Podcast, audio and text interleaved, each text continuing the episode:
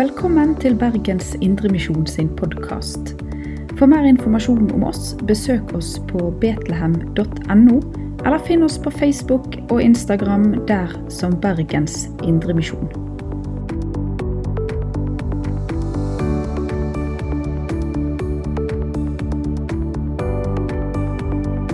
Men det er første gang jeg står på denne talerstolen, og det er veldig kjekt å få anledning til å være her sammen med dere denne helgen. Så er det litt spesielle omstendigheter som gjør at òg en del ikke kan komme, men jeg er glad at vi like fullt kan samles om Guds ord denne helga.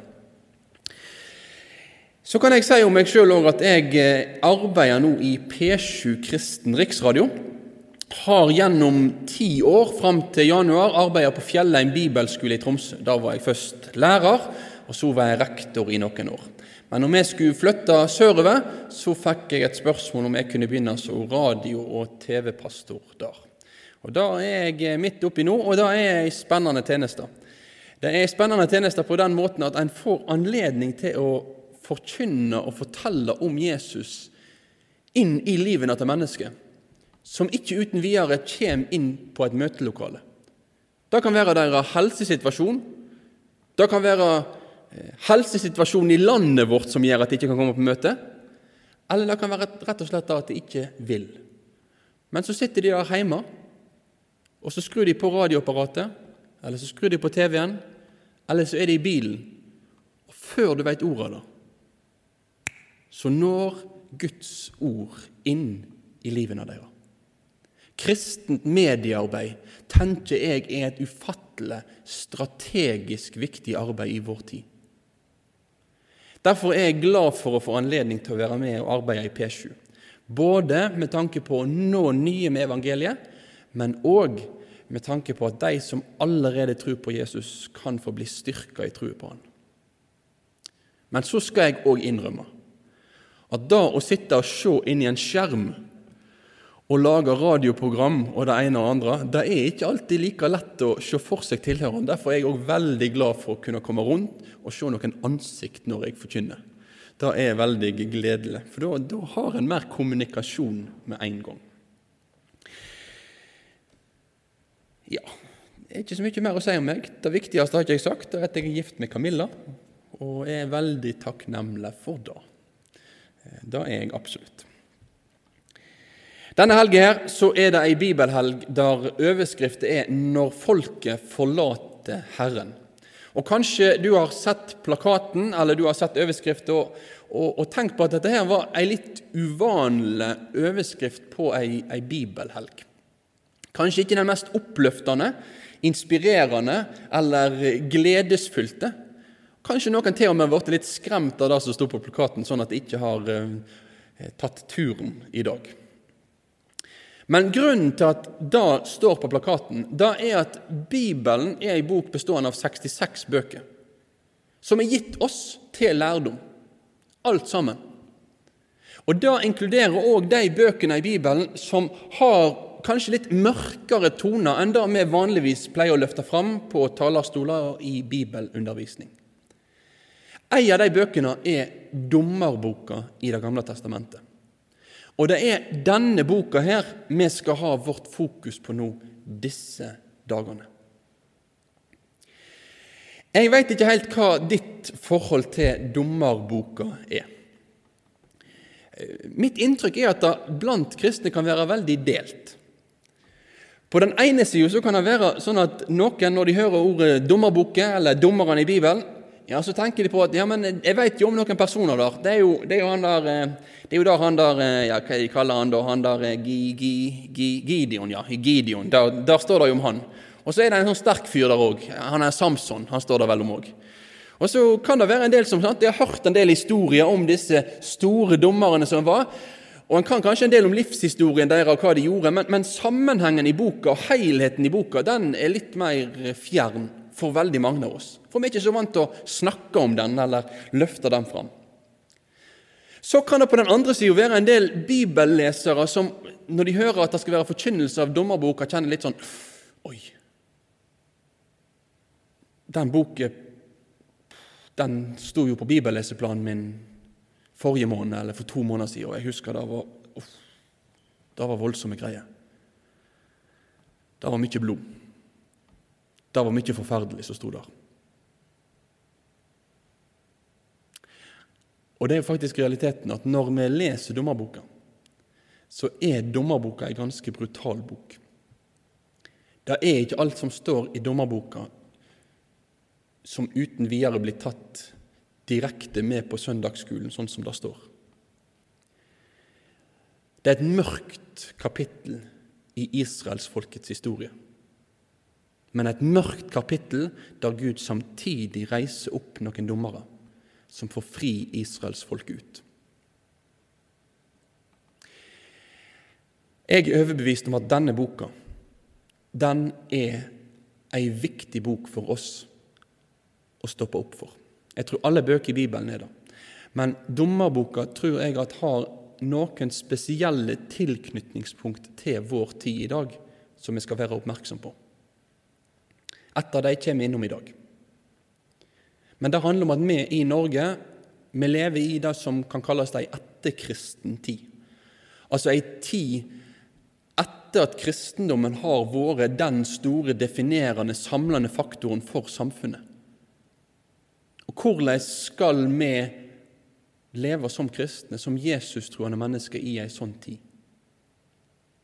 Kanskje dommerboken faktisk kan være med å lære oss noe viktig om dette her. Ikke minst om farene ved at gudstrua blir utvatna med all mulig slags anna tru.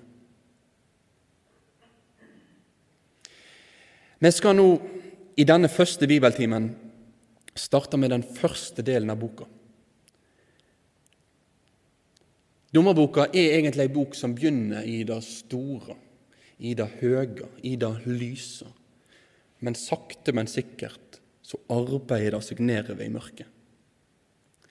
Og Disse tre bibeltimene de kommer egentlig til å være bygd opp sånn at den første den kommer til å handle om røttene til det kaoset som kommer etter hvert.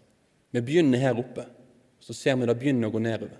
I neste bibeltime så skal vi se hvordan spiralen går nedover og nedover. og nedover. Livet i kaos blir tydeligere for oss. Og i morgen formiddag på gudstjenester så skal vi stoppe opp for konsekvensene av livet i kaos. En historie om hvordan frafallet preger folket på en djup, djup, djup måte. Så det er strukturen for denne helga. Nå begynner vi med dette første, denne første delen av boka, det som handler om røttene til kaoset. Men før vi går løs på det, så skal vi be i lag.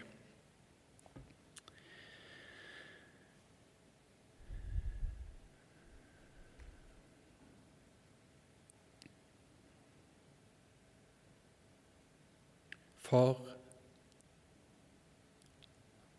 alle tider er i di hånd. Ingenting er skjult for ditt øye. Du er Han som lever og som råder i dag, som alltid har gjort det, og som alltid vil gjøre det.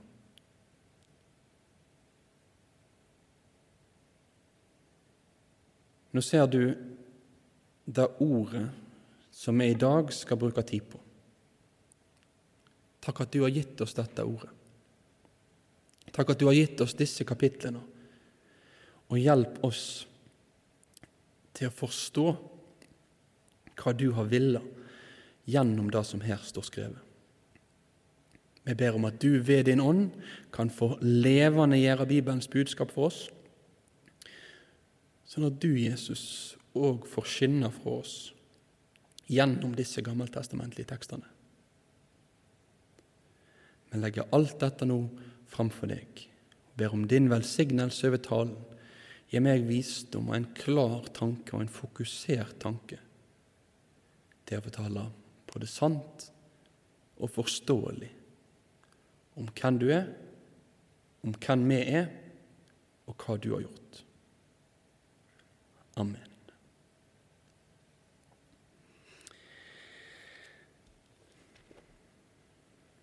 Den første delen av dommerboka den står i kapittel 1 og vers 1 og til kapittel 3 og vers 6.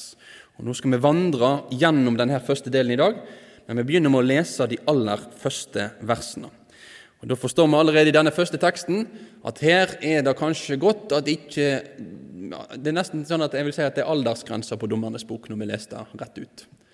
Og Da begynner jeg allerede ganske tidlig. Da Josva var død, spurte israelittene Herren. Hvem av oss skal først dra opp og kjempe mot kananeerne? Herren svarer, Juda skal dra opp. Sjå, jeg gjev landet i hans hender. Da sa Juda til Simon, bror sin, Kom med meg opp til min del av landet og la oss kjempe mot kananeerne.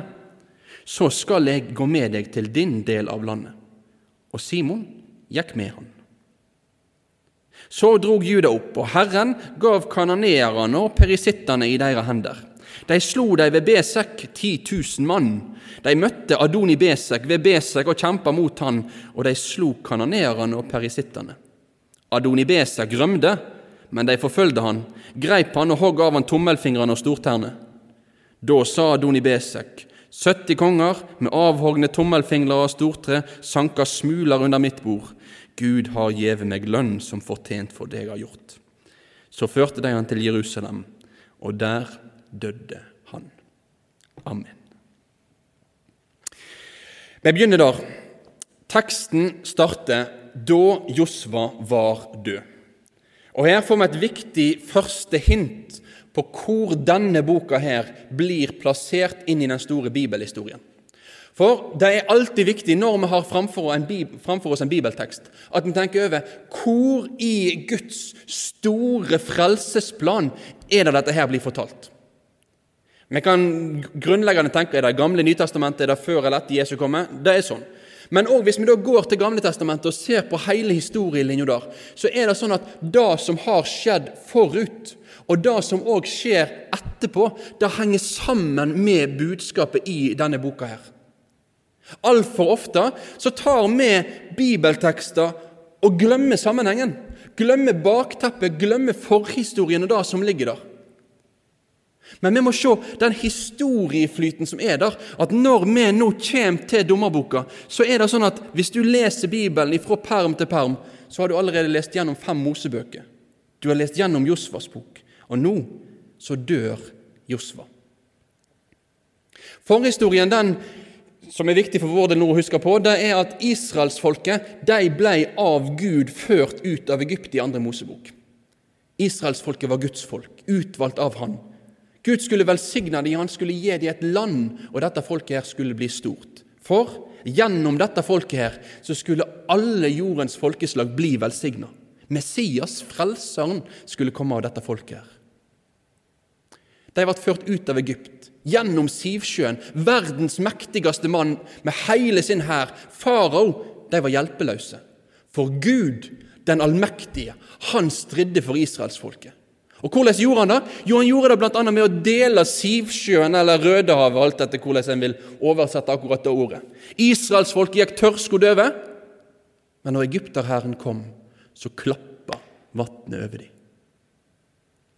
Gud seira.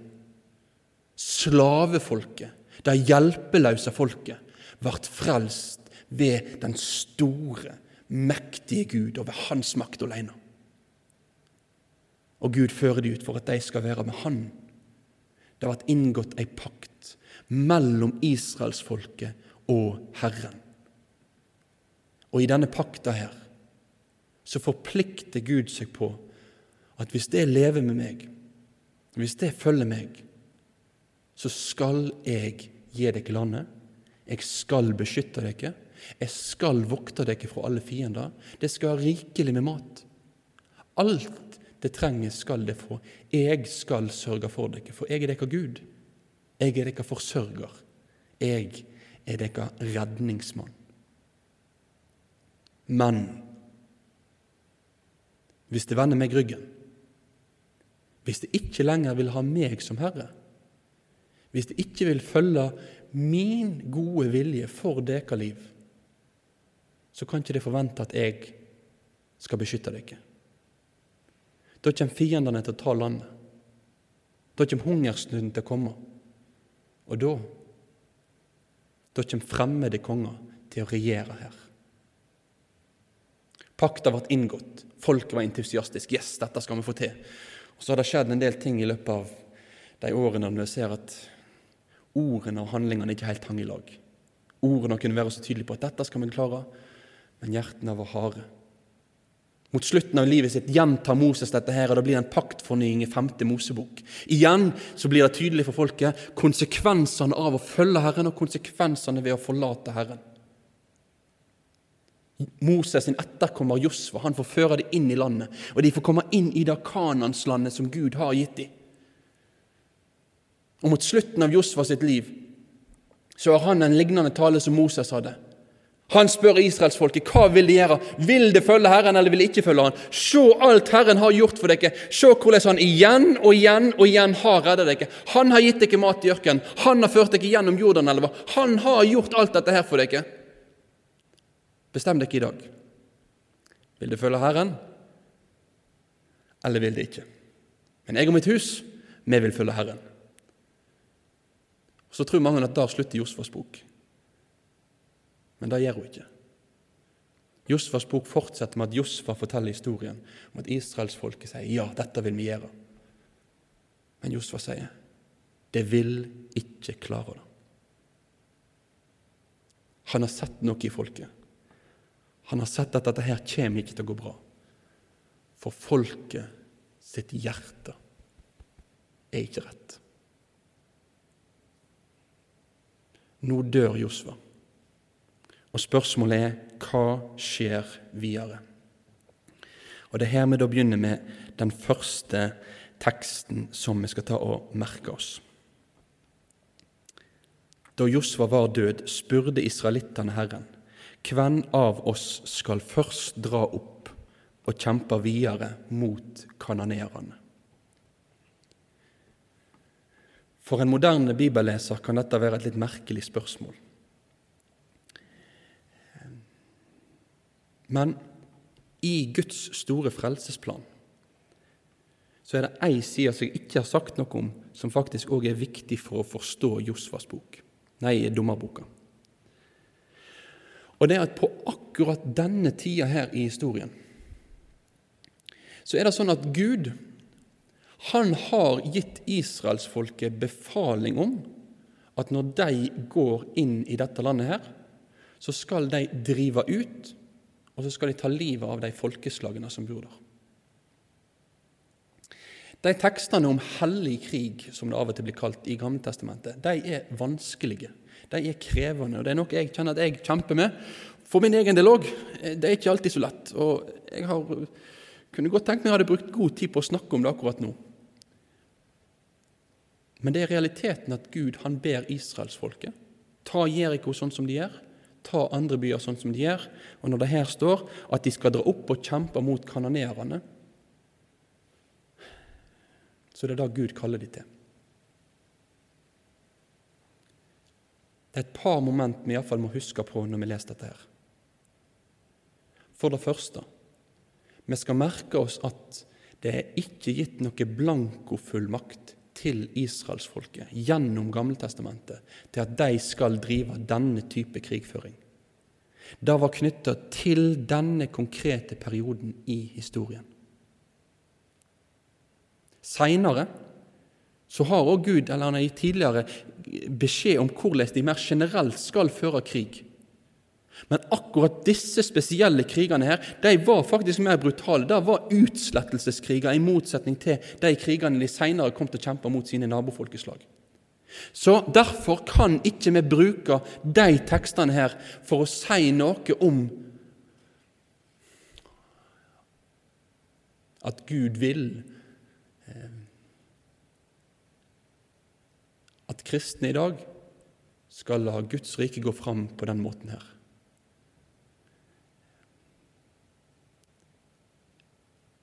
Sånn er det ikke. Den andre tingen vi skal merke oss, det er at den kristne trua, det er ei tru som helt grunnleggende har som sin overbevisning om at Gud en dag skal sette en stopper for historien. Vi bekjenner det når vi har den apostoliske trosbekjennelsen. Vi tror på Jesus Kristus, Guds enbårne Sønn, vår Herre, osv. Og, og hva skal han en dag gjøre? Jo, han skal komme for å dømme levende og døde. Dommen er en realitet. Dommen er noe vi er overbevist om. Den endelige dommen kommer. Jesus skal holde dom. Bibelen er klar på at den endelige dommen er der framme. Men så er det samtidig sånn at i påvente av den endelige dommen, så er det noen ganger Gud griper inn i historien overfor nasjoner, overfor folkeslag eller overfor byer og sier at nå er nok nok. Det syndemålet som de har, det har blitt fulgt opp. Nå holder det. All den uretten som nå springer ut, den må få sin stopp. Det må ha konsekvenser. Og så griper inn, Gud inn og så holder han dum i tida. Han gjør det over asyrerne, han gjør det over babylonerne, og han gjør det her over kananeerne. Mosebøkene har beskrevet kananeerne sin livsførsel med barneofringer og det ene og det andre, og, beskriver det som et folkeslag som til og med etter den tids standard hadde en moral som de fleste tenkte at dette her da var voldsomt. Nå måtte de stå ansvarlig for det. Så det som skjer her, det at israelsfolket skulle få være Guds redskap i at dommen skulle ramme kanonerene.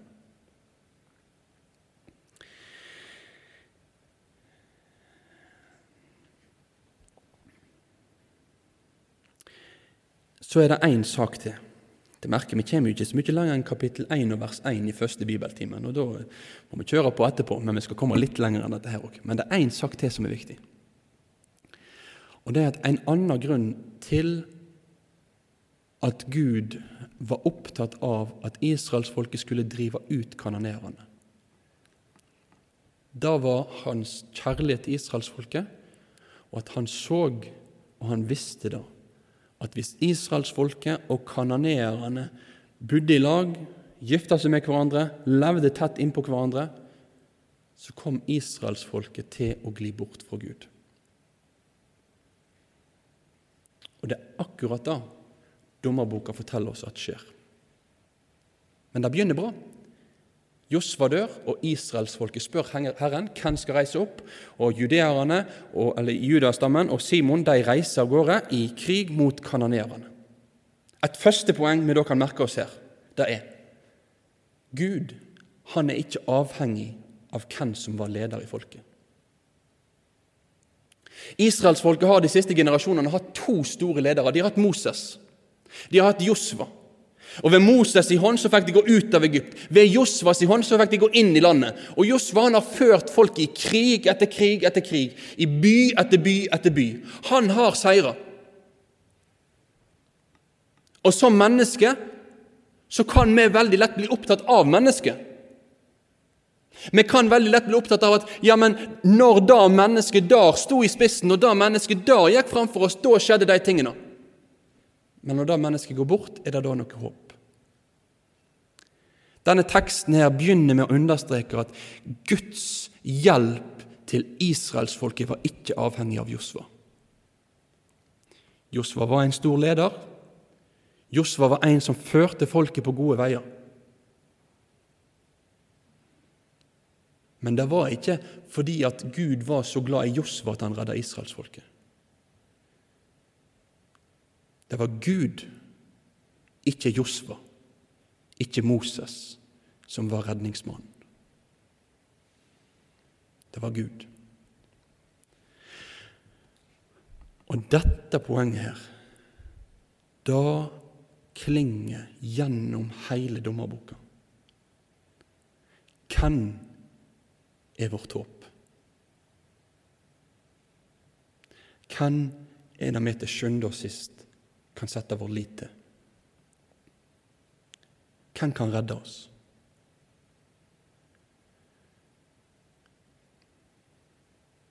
Dommerboka gir ett svar, og det er Gud. Gud er israelsfolkets håp. Og Gud, han er ditt, og han er mitt håp.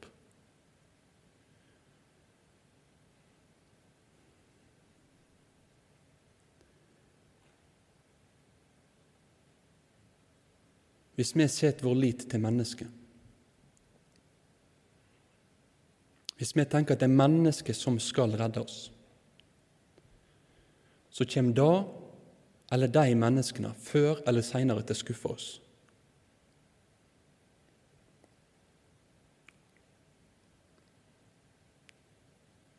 Kanskje de kommer til å svike oss. Kanskje de kommer til å lyge for oss.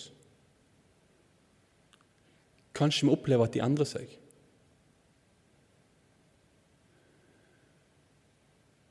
Men selv om vi gjennom hele livet opplever at de er de flotte menneskene vi kan ha vår tillit til, før eller seinere kommer den dagen når de går bort eller går hjem.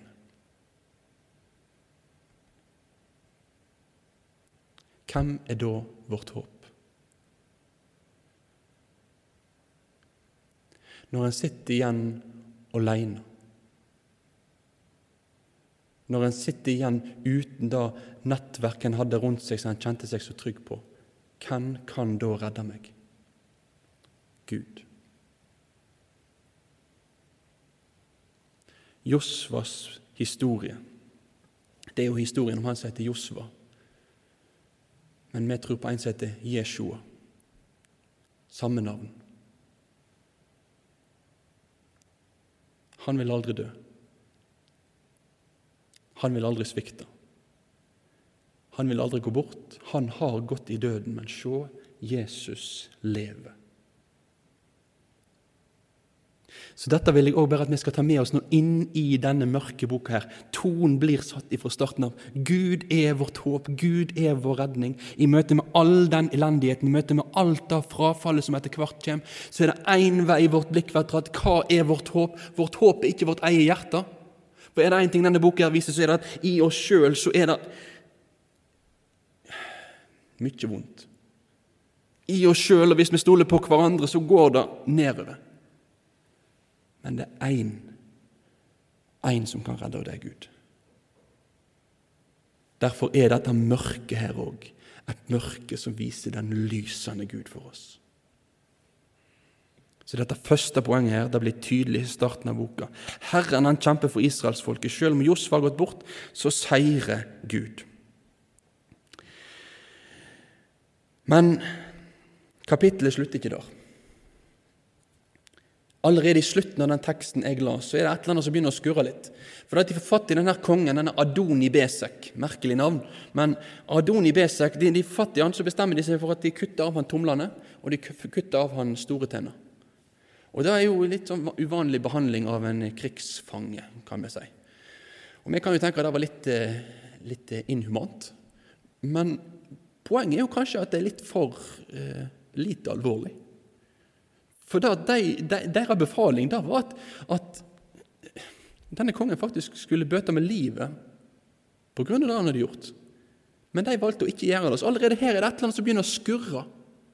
Det virker som at de ikke helt følger det som Herren har sagt. Og etter hvert så er det sånn at denne uroen som en kanskje en, en jødisk bibelleser som kjente Moseloven godt, ville kjent i starten, den uroen den vokser sakte, men sikkert. I vers 19 så står det Herren var med Juda, og de tok fjellområdet. Men de greide ikke å drive bort de som bodde på sletta, for de hadde jernvogner. Hæ? Greide de det ikke?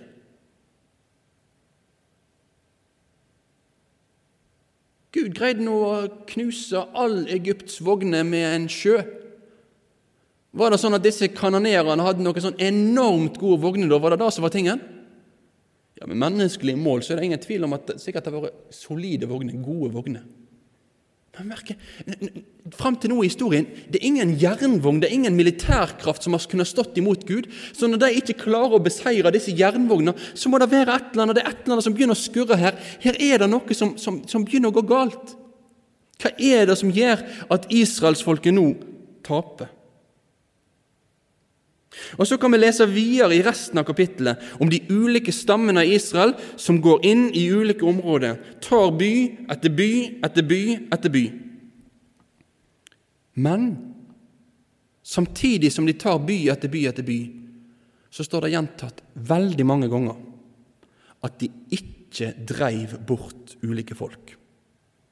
Vers 21. Benjaminittene dreiv ikke bort jebusittene som bodde i Jerusalem. Vers 27. Manasseh dreiv ikke bort folk i Betsjean og til Anak. Vers 29. Efraim dreiv ikke ut kanonerene som bodde i Geser. Vers 30. Sebulon dreiv ikke bort innbyggerne i Kitron og Nahaol. Vers 31. Asher dreiv ikke ut innbyggerne i Akko og Sidon.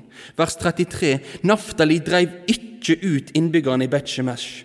Og dette her går igjen og igjen og igjen og igjen. Og Når vi leser historie i Bibelen, så skal vi være oppmerksom på disse gjentagelsene. Det er ofte et poeng. Israelsfolket hadde en befaling om å drive dem ut, men de gjorde det ikke.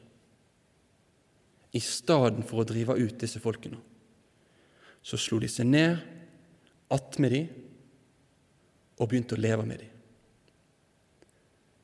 Det er et første tegn på at israelsfolket har slutta å høre på Herren. De har slutta å høre på Gud. Kanskje kan det framstå som en bagatell for oss. Ja, De dreiv jo ikke ut de folkene, men kan det ikke være, kan det ikke være så nøye? Det er bare liksom en liten ting som det står noe om i, i, i, Bibelen at de skulle gjøre, men nå ikke gjør det. Er det noe å gjøre et stort poeng ut av? Ja, Det ser faktisk ut som at Bibelen gjør et stort poeng ut av det. Gjentar det igjen og igjen og igjen og igjen. For det er et mønster her av at da at de ikke driver de bort, da at de slutter å høre på Herren og gjør, hvis vi kan si det sånn, synder lillefingeren, det fører til at de sakte, men sikkert blir dratt lenger og lenger og lenger vekk ifra Gud.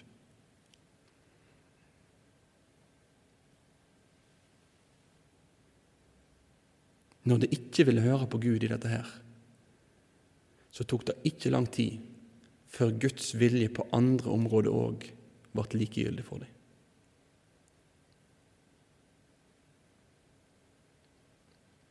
Men hvorfor, hvorfor hørte ikke de da? Hvorfor drev de det ikke vekk? Vi kan ikke vite det fullt ut, men, men det står noen små hint om det òg. Det som står i vers 28, det er at da israelittene ble sterkere, sette de kananeerne til tvangsarbeid, men fordreiv de ikke helt. I vers 30 så står det kananeerne ble buende mellom dem, men de måtte gjøre tvangsarbeid. Og i vers 33 men innbyggerne i Bet-Shemesh og Bet-Anat måtte gjøre tvangsarbeid for dem. Vers 35 da Josefs hus fikk overtaket, måtte de gjøre tvangsarbeid. Israelsfolket hadde jo vært slaver i Egypt. Og Jeg er sikker på at hvis det var én ting de hadde lært å se, så var det at det var en fin ting å ha noen slaver som kunne gjøre drittjobben for deg. Det er jo behagelig. Det er ufattelig behagelig at noen kan ta og gjøre de tingene som de ikke vil gjøre sjøl. At du bare kan bestemme over noen og si at det, det må det gjøre. At egypterne kunne si at det israelitter de må ta og lage de mursteinene til å bygge, bygge eh, pyramidene. Det orker ikke vi å gjøre. Og for israelittene òg å kunne si til folk i Egypt nei, folk i Kanan. Det er slavene våre. Det skal gjøre, gjøre drittjobben vår. Mykje lettere enn å følge Herren. Behageligheten mm. Lysten til det gode liv blir viktigere enn å følge Guds bud.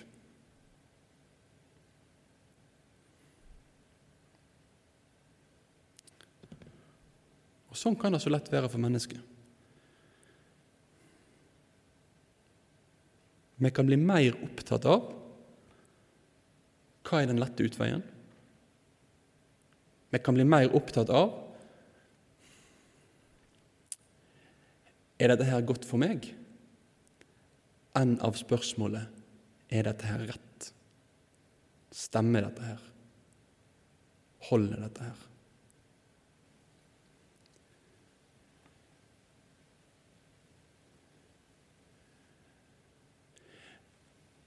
En av de store utviklingstrekkene i vår tid som jeg mener i alle fall at vi kan se,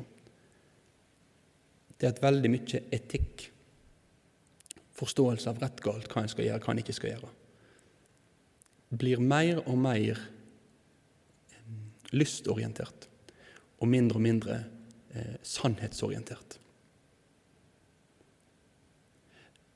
Det er hva jeg føler for, som er det viktige.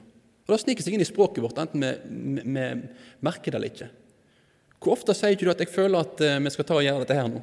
Er det at du føler det, liksom prikker det på kroppen din, eller er det bare at det er en måte vi uttrykker oss på? Jeg tror Ofte så handler det om en måte å uttrykke oss på. Jeg føler vi kanskje skal ta og stikke hjem nå. Det er ikke nødvendigvis liksom en sånn spesiell følelse i kroppen min, eller hva det skal være. Men det sier noe om at i vår tanke, i vår vurdering av våre handlinger, så er det våre følelser som òg i veldig stor grad er pregende i vår tid og i vår kultur. Og det er noe godt og noe sunt med dette her, at vi faktisk skal få kjenne etter hva er det jeg vil. Men vi må ikke la våre følelser eller vår liksom opplevelse av behagelighet eller hva det skulle være, overstyre hva vi tror er rett, og hva vi tror er feil. Israels folke ser ut til å gjøre det. De ser ut til å bli mer opptatt av at vi heller vil ha noen slaver, enn å ta den ubehagelige jobben med å drive dem ut.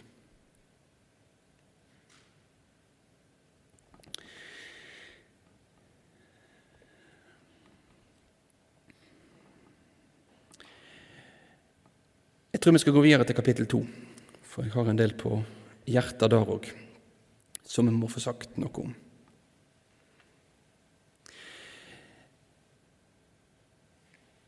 Ifra kapittel 2 og vers 6 av og så kan vi lese om at dette her, som nå har begynt å spire litt, der israelsfolket blir mindre opptatt av å følge Herren, det kommer ei tid der dette her nå for alvor slår ut i full blomst. Der frafallet i israelsfolket akselererer. Og Det handler om Josvas død, og det handler om døden til de andre som levde på, på hans tid. Jeg skal lese fra kapittel 2, vers 6 og utover. Da Josfa hadde sendt folk i vei, drog israelittene hver til sitt område for å ta landet. Folket tjente Herren så lenge Josfa levde, og så lenge de gamle ennå var i live. De som hadde levd lenger enn Josva, hadde sett alle de storverk Herren hadde gjort for Israel. Josva, sønnen til Nun, Herrens tjener, døde 110 år gammel. De gravla han på hans egen grunn i Timnat Teres i Efraimfjella, nord for Gaasjfjellet. Snart var hele dette slektsleddet sameina med fedrene sine. Etter dem vokste opp nytt, et nytt slektsledd som korkje kjente Herren eller visste hva Han hadde gjort for dem. Da gjorde israelittene det som vondt var i Herrens øyne. De dyrka Baal-gudene og forlet Herren, sine fedrers Gud, som hadde ført dem ut fra Egypt. De fulgte andre guder, guder fra folka som bodde omkring, og tilba dem. Slik gjorde de Herren rasende. De forlet Herren og dyrka Baal og Astarte-bileta. Så lenge Josva levde, og så lenge hans generasjon levde, så ser det ut som at uretten blir noenlunde holdt i sjakk. Men når de forsvinner, så akselererer det. Generasjonsskifte det er kritisk uansett hva virksomhet en er en del av. I P7 nå så har vi et generasjonsskifte med at Jon Hardang han er på vei i pensjon, og jeg er litt yngre og skal inn i hans rolle. Sånne generasjonsskifter i en fotballklubb også, det er jo så viktig. De gamle spillerne har vært eldre, du må inn noen nye. Og Alltid så er dette en kritisk fase. Hvordan vil det gå? Hvordan vil det gå med overføringen av kunnskapen og de ulike tingene til den neste generasjonen? Men mer enn noen annen plass så er generasjonsskiftet i den kristne forsamling og i Guds folk ufattelig kritisk. Hvorfor sier jeg det mer enn noe annet? Jo, det sier jeg fordi at om en fotballklubb går dunken, så har ikke det evighetskonsekvenser. Men det har vi gjør med Gud å gjøre, det har jo med evigheten å gjøre.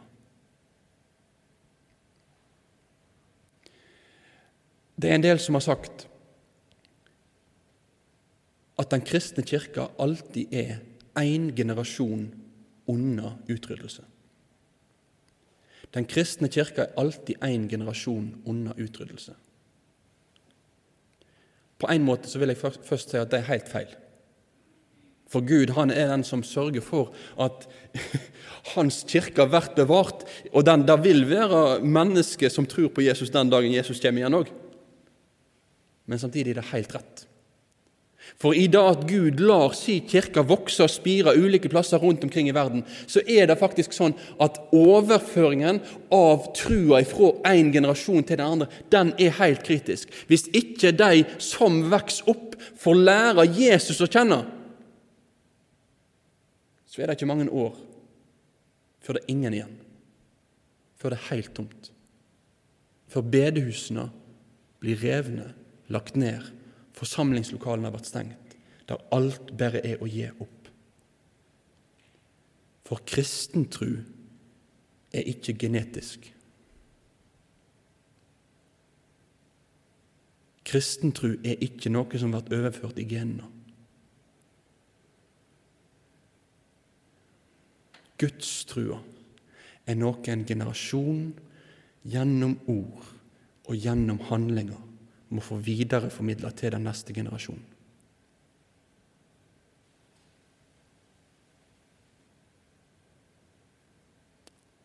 Israelsfolket sto ved et generasjonsskifte.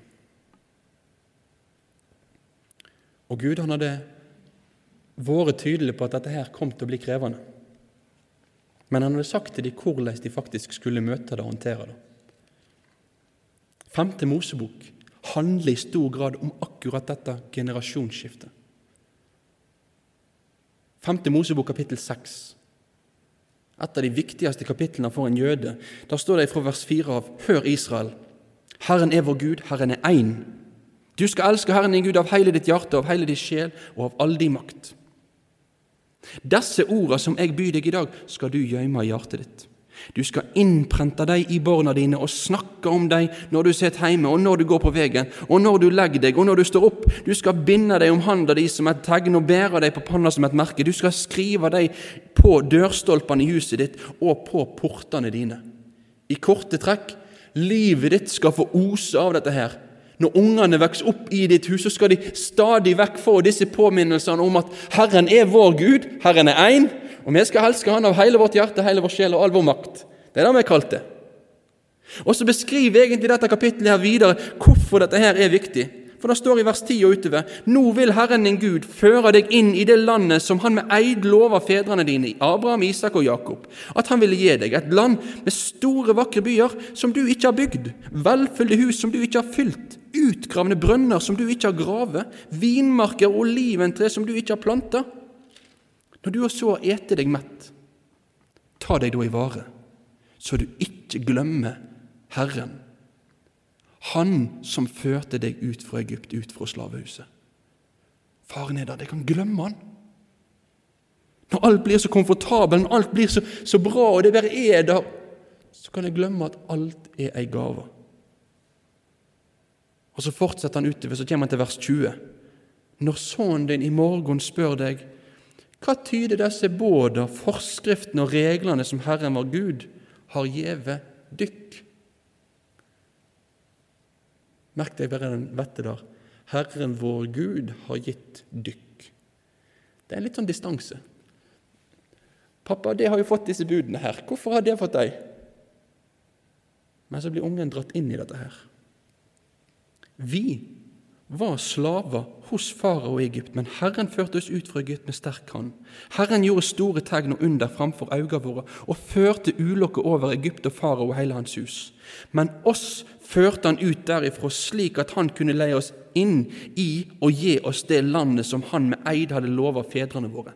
Herren bau oss å holde disse forskriftene og frykte Herren vår Gud, slik at det kunne gå oss vel alle dager, og han kunne la oss leve som han har gjort til denne dag. Så de som hadde gått ut av Egypt, de får beskjed de skal fortelle dette videre til ungene deres. De må sørge for at ungene deres faktisk blir gjort kjent med dette. her. Når de spør hva er alle disse greiene her for noe, hvorfor feirer vi påske, hvorfor bryr vi oss om alle disse budene her, det er sabbat i dag, hvorfor er denne dagen annerledes de andre dagene? Da skal du fortelle om det. Så går vi fram én generasjon, og så står det etter de vokste opp et nytt slektsledd som korkje kjente Herren eller visste hva han hadde gjort for Israel. Det var det som sto i dommerboken. De kjente ikke Herren. De visste ikke hva Gud hadde gjort for Israel. Jeg tror ikke det var sånn at all kunnskap om det var 100% vekke. Men her har det skjedd noe i dette generasjonsskiftet, der den nye slekta som kommer til, ikke opplever at dette budskapet er deres. Der svikter. Og konsekvensene av det blir mørkt malt for oss gjennom boka. Hvert et generasjonsskifte i Guds folk er kritisk. Min påstand er Dette er mine ord, ikke fra Herren, som Paulus sier om andre ting. Min påstand er at da generasjonsskiftet vi nå står overfor, da vannskillet vi nå står overfor, det er det mest kritiske på 1000 år i Norge. Det er det mest kritiske generasjonsskiftet fra en generasjon til den andre, sånn at de kan få del i trua på Jesus på 1000 år. Hvorfor? Jo, fordi at i 1000 år så har det vært sånn, mer eller mindre her i vårt land, at om familien, om foreldrene, om heimen svikter i dette her og fører budskapet videre til ungene, så hadde han alltid skolen. Og så var det jo lenge obligatorisk at du måtte gå på ei gudstjeneste. Du måtte bli konfirmert. Du fikk med deg i alle fall noe budskap. Du fikk i alle fall høre om Jesus. Du fikk i alle fall bli kjent med noen av de ytre rammene, selv om kanskje det personlige gudsforholdet ikke fikk blomstre i det. Men saken er at det har vært en kultur, det har vært en ramme. Der ramma er at vi, vi har en grunnleggende overbevisning om at Gud er til. Vi har en grunnleggende overbevisning om at det er noe som er rett og noe som er galt. Og vi har en grunnleggende overbevisning om at ja, det, det, hva som er rett og hva som er galt, det har noe med Gud å gjøre.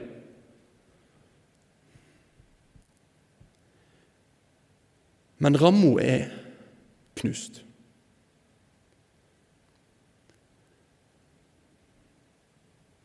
Sannheten er forvitra.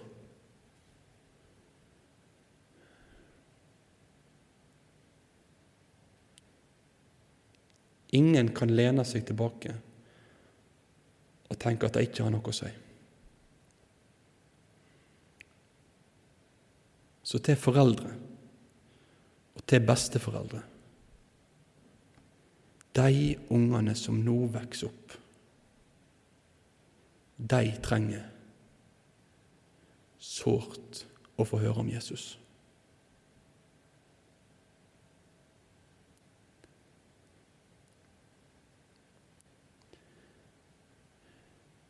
Skal det være sånn i Norge om én generasjon eller om to generasjoner, sånn som dommerboken beskriver det for oss?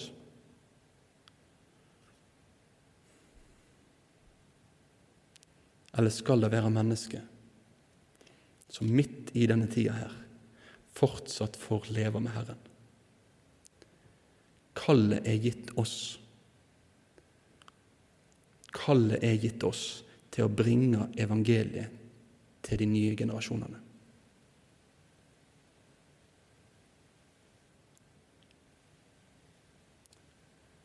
Så der stopper første del av dommerboka, med et veiskille for deg og for meg.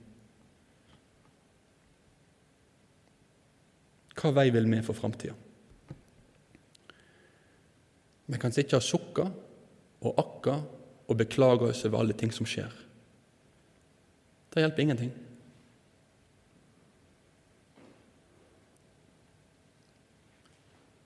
Hvor skal veien gå?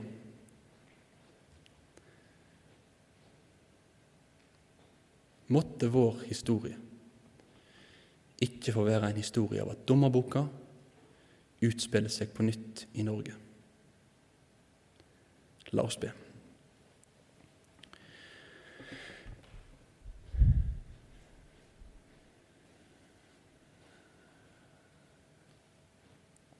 Far, du ser de ordene som vi nå har fått lest, de advarende eksemplene som denne boka her tegner opp for oss. Viktigheten av at den nye generasjonen òg får bli kjent med deg, Jesus. For takk for at du, Jesus, er et håp for alle generasjoner. At du ikke er en frelser eller en herre som bare kan redde ei spesiell aldersgruppe, eller som bare kan redde de som levde på et gitt tidspunkt i historien. Nei, takk for at du hver en dag er den samme, at du, Jesus Kristus, i går og i dag er den samme og vil være det til evig tid. At Han som kom, Han som døde for mine synder, Han som sto opp, og Han som steig opp til himmelen og i dag sitter ved Faderens høyre hånd, at Han er sånn som Han har sagt at Han er. Og Jesus, vi ber deg om at du ved din Hellige Ånd må få utruste oss.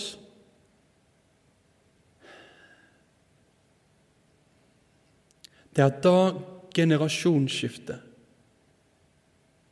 som vi står midt oppi nå, og kan få være et generasjonsskifte der nye mennesker får være kjent med deg. Og så vet vi da at det er ikke sånn at vi kan bestemme. Det er ikke sånn at bare vi sår ditt ord, så vil barna automatisk tro eller ta det til seg.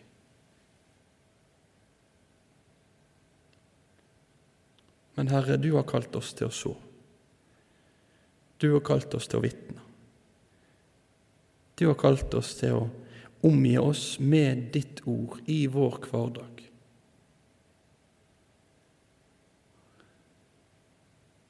Så utrust oss til å gjøre det, Herre.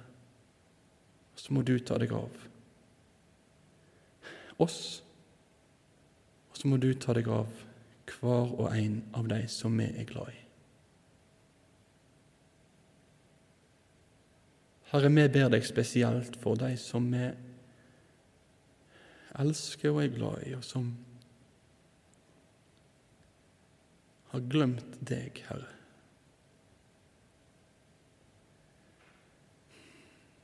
Vi ber om at du kan få, ved din ånd, vekke dem opp igjen òg, Herre. Så de lærer deg å kjenne.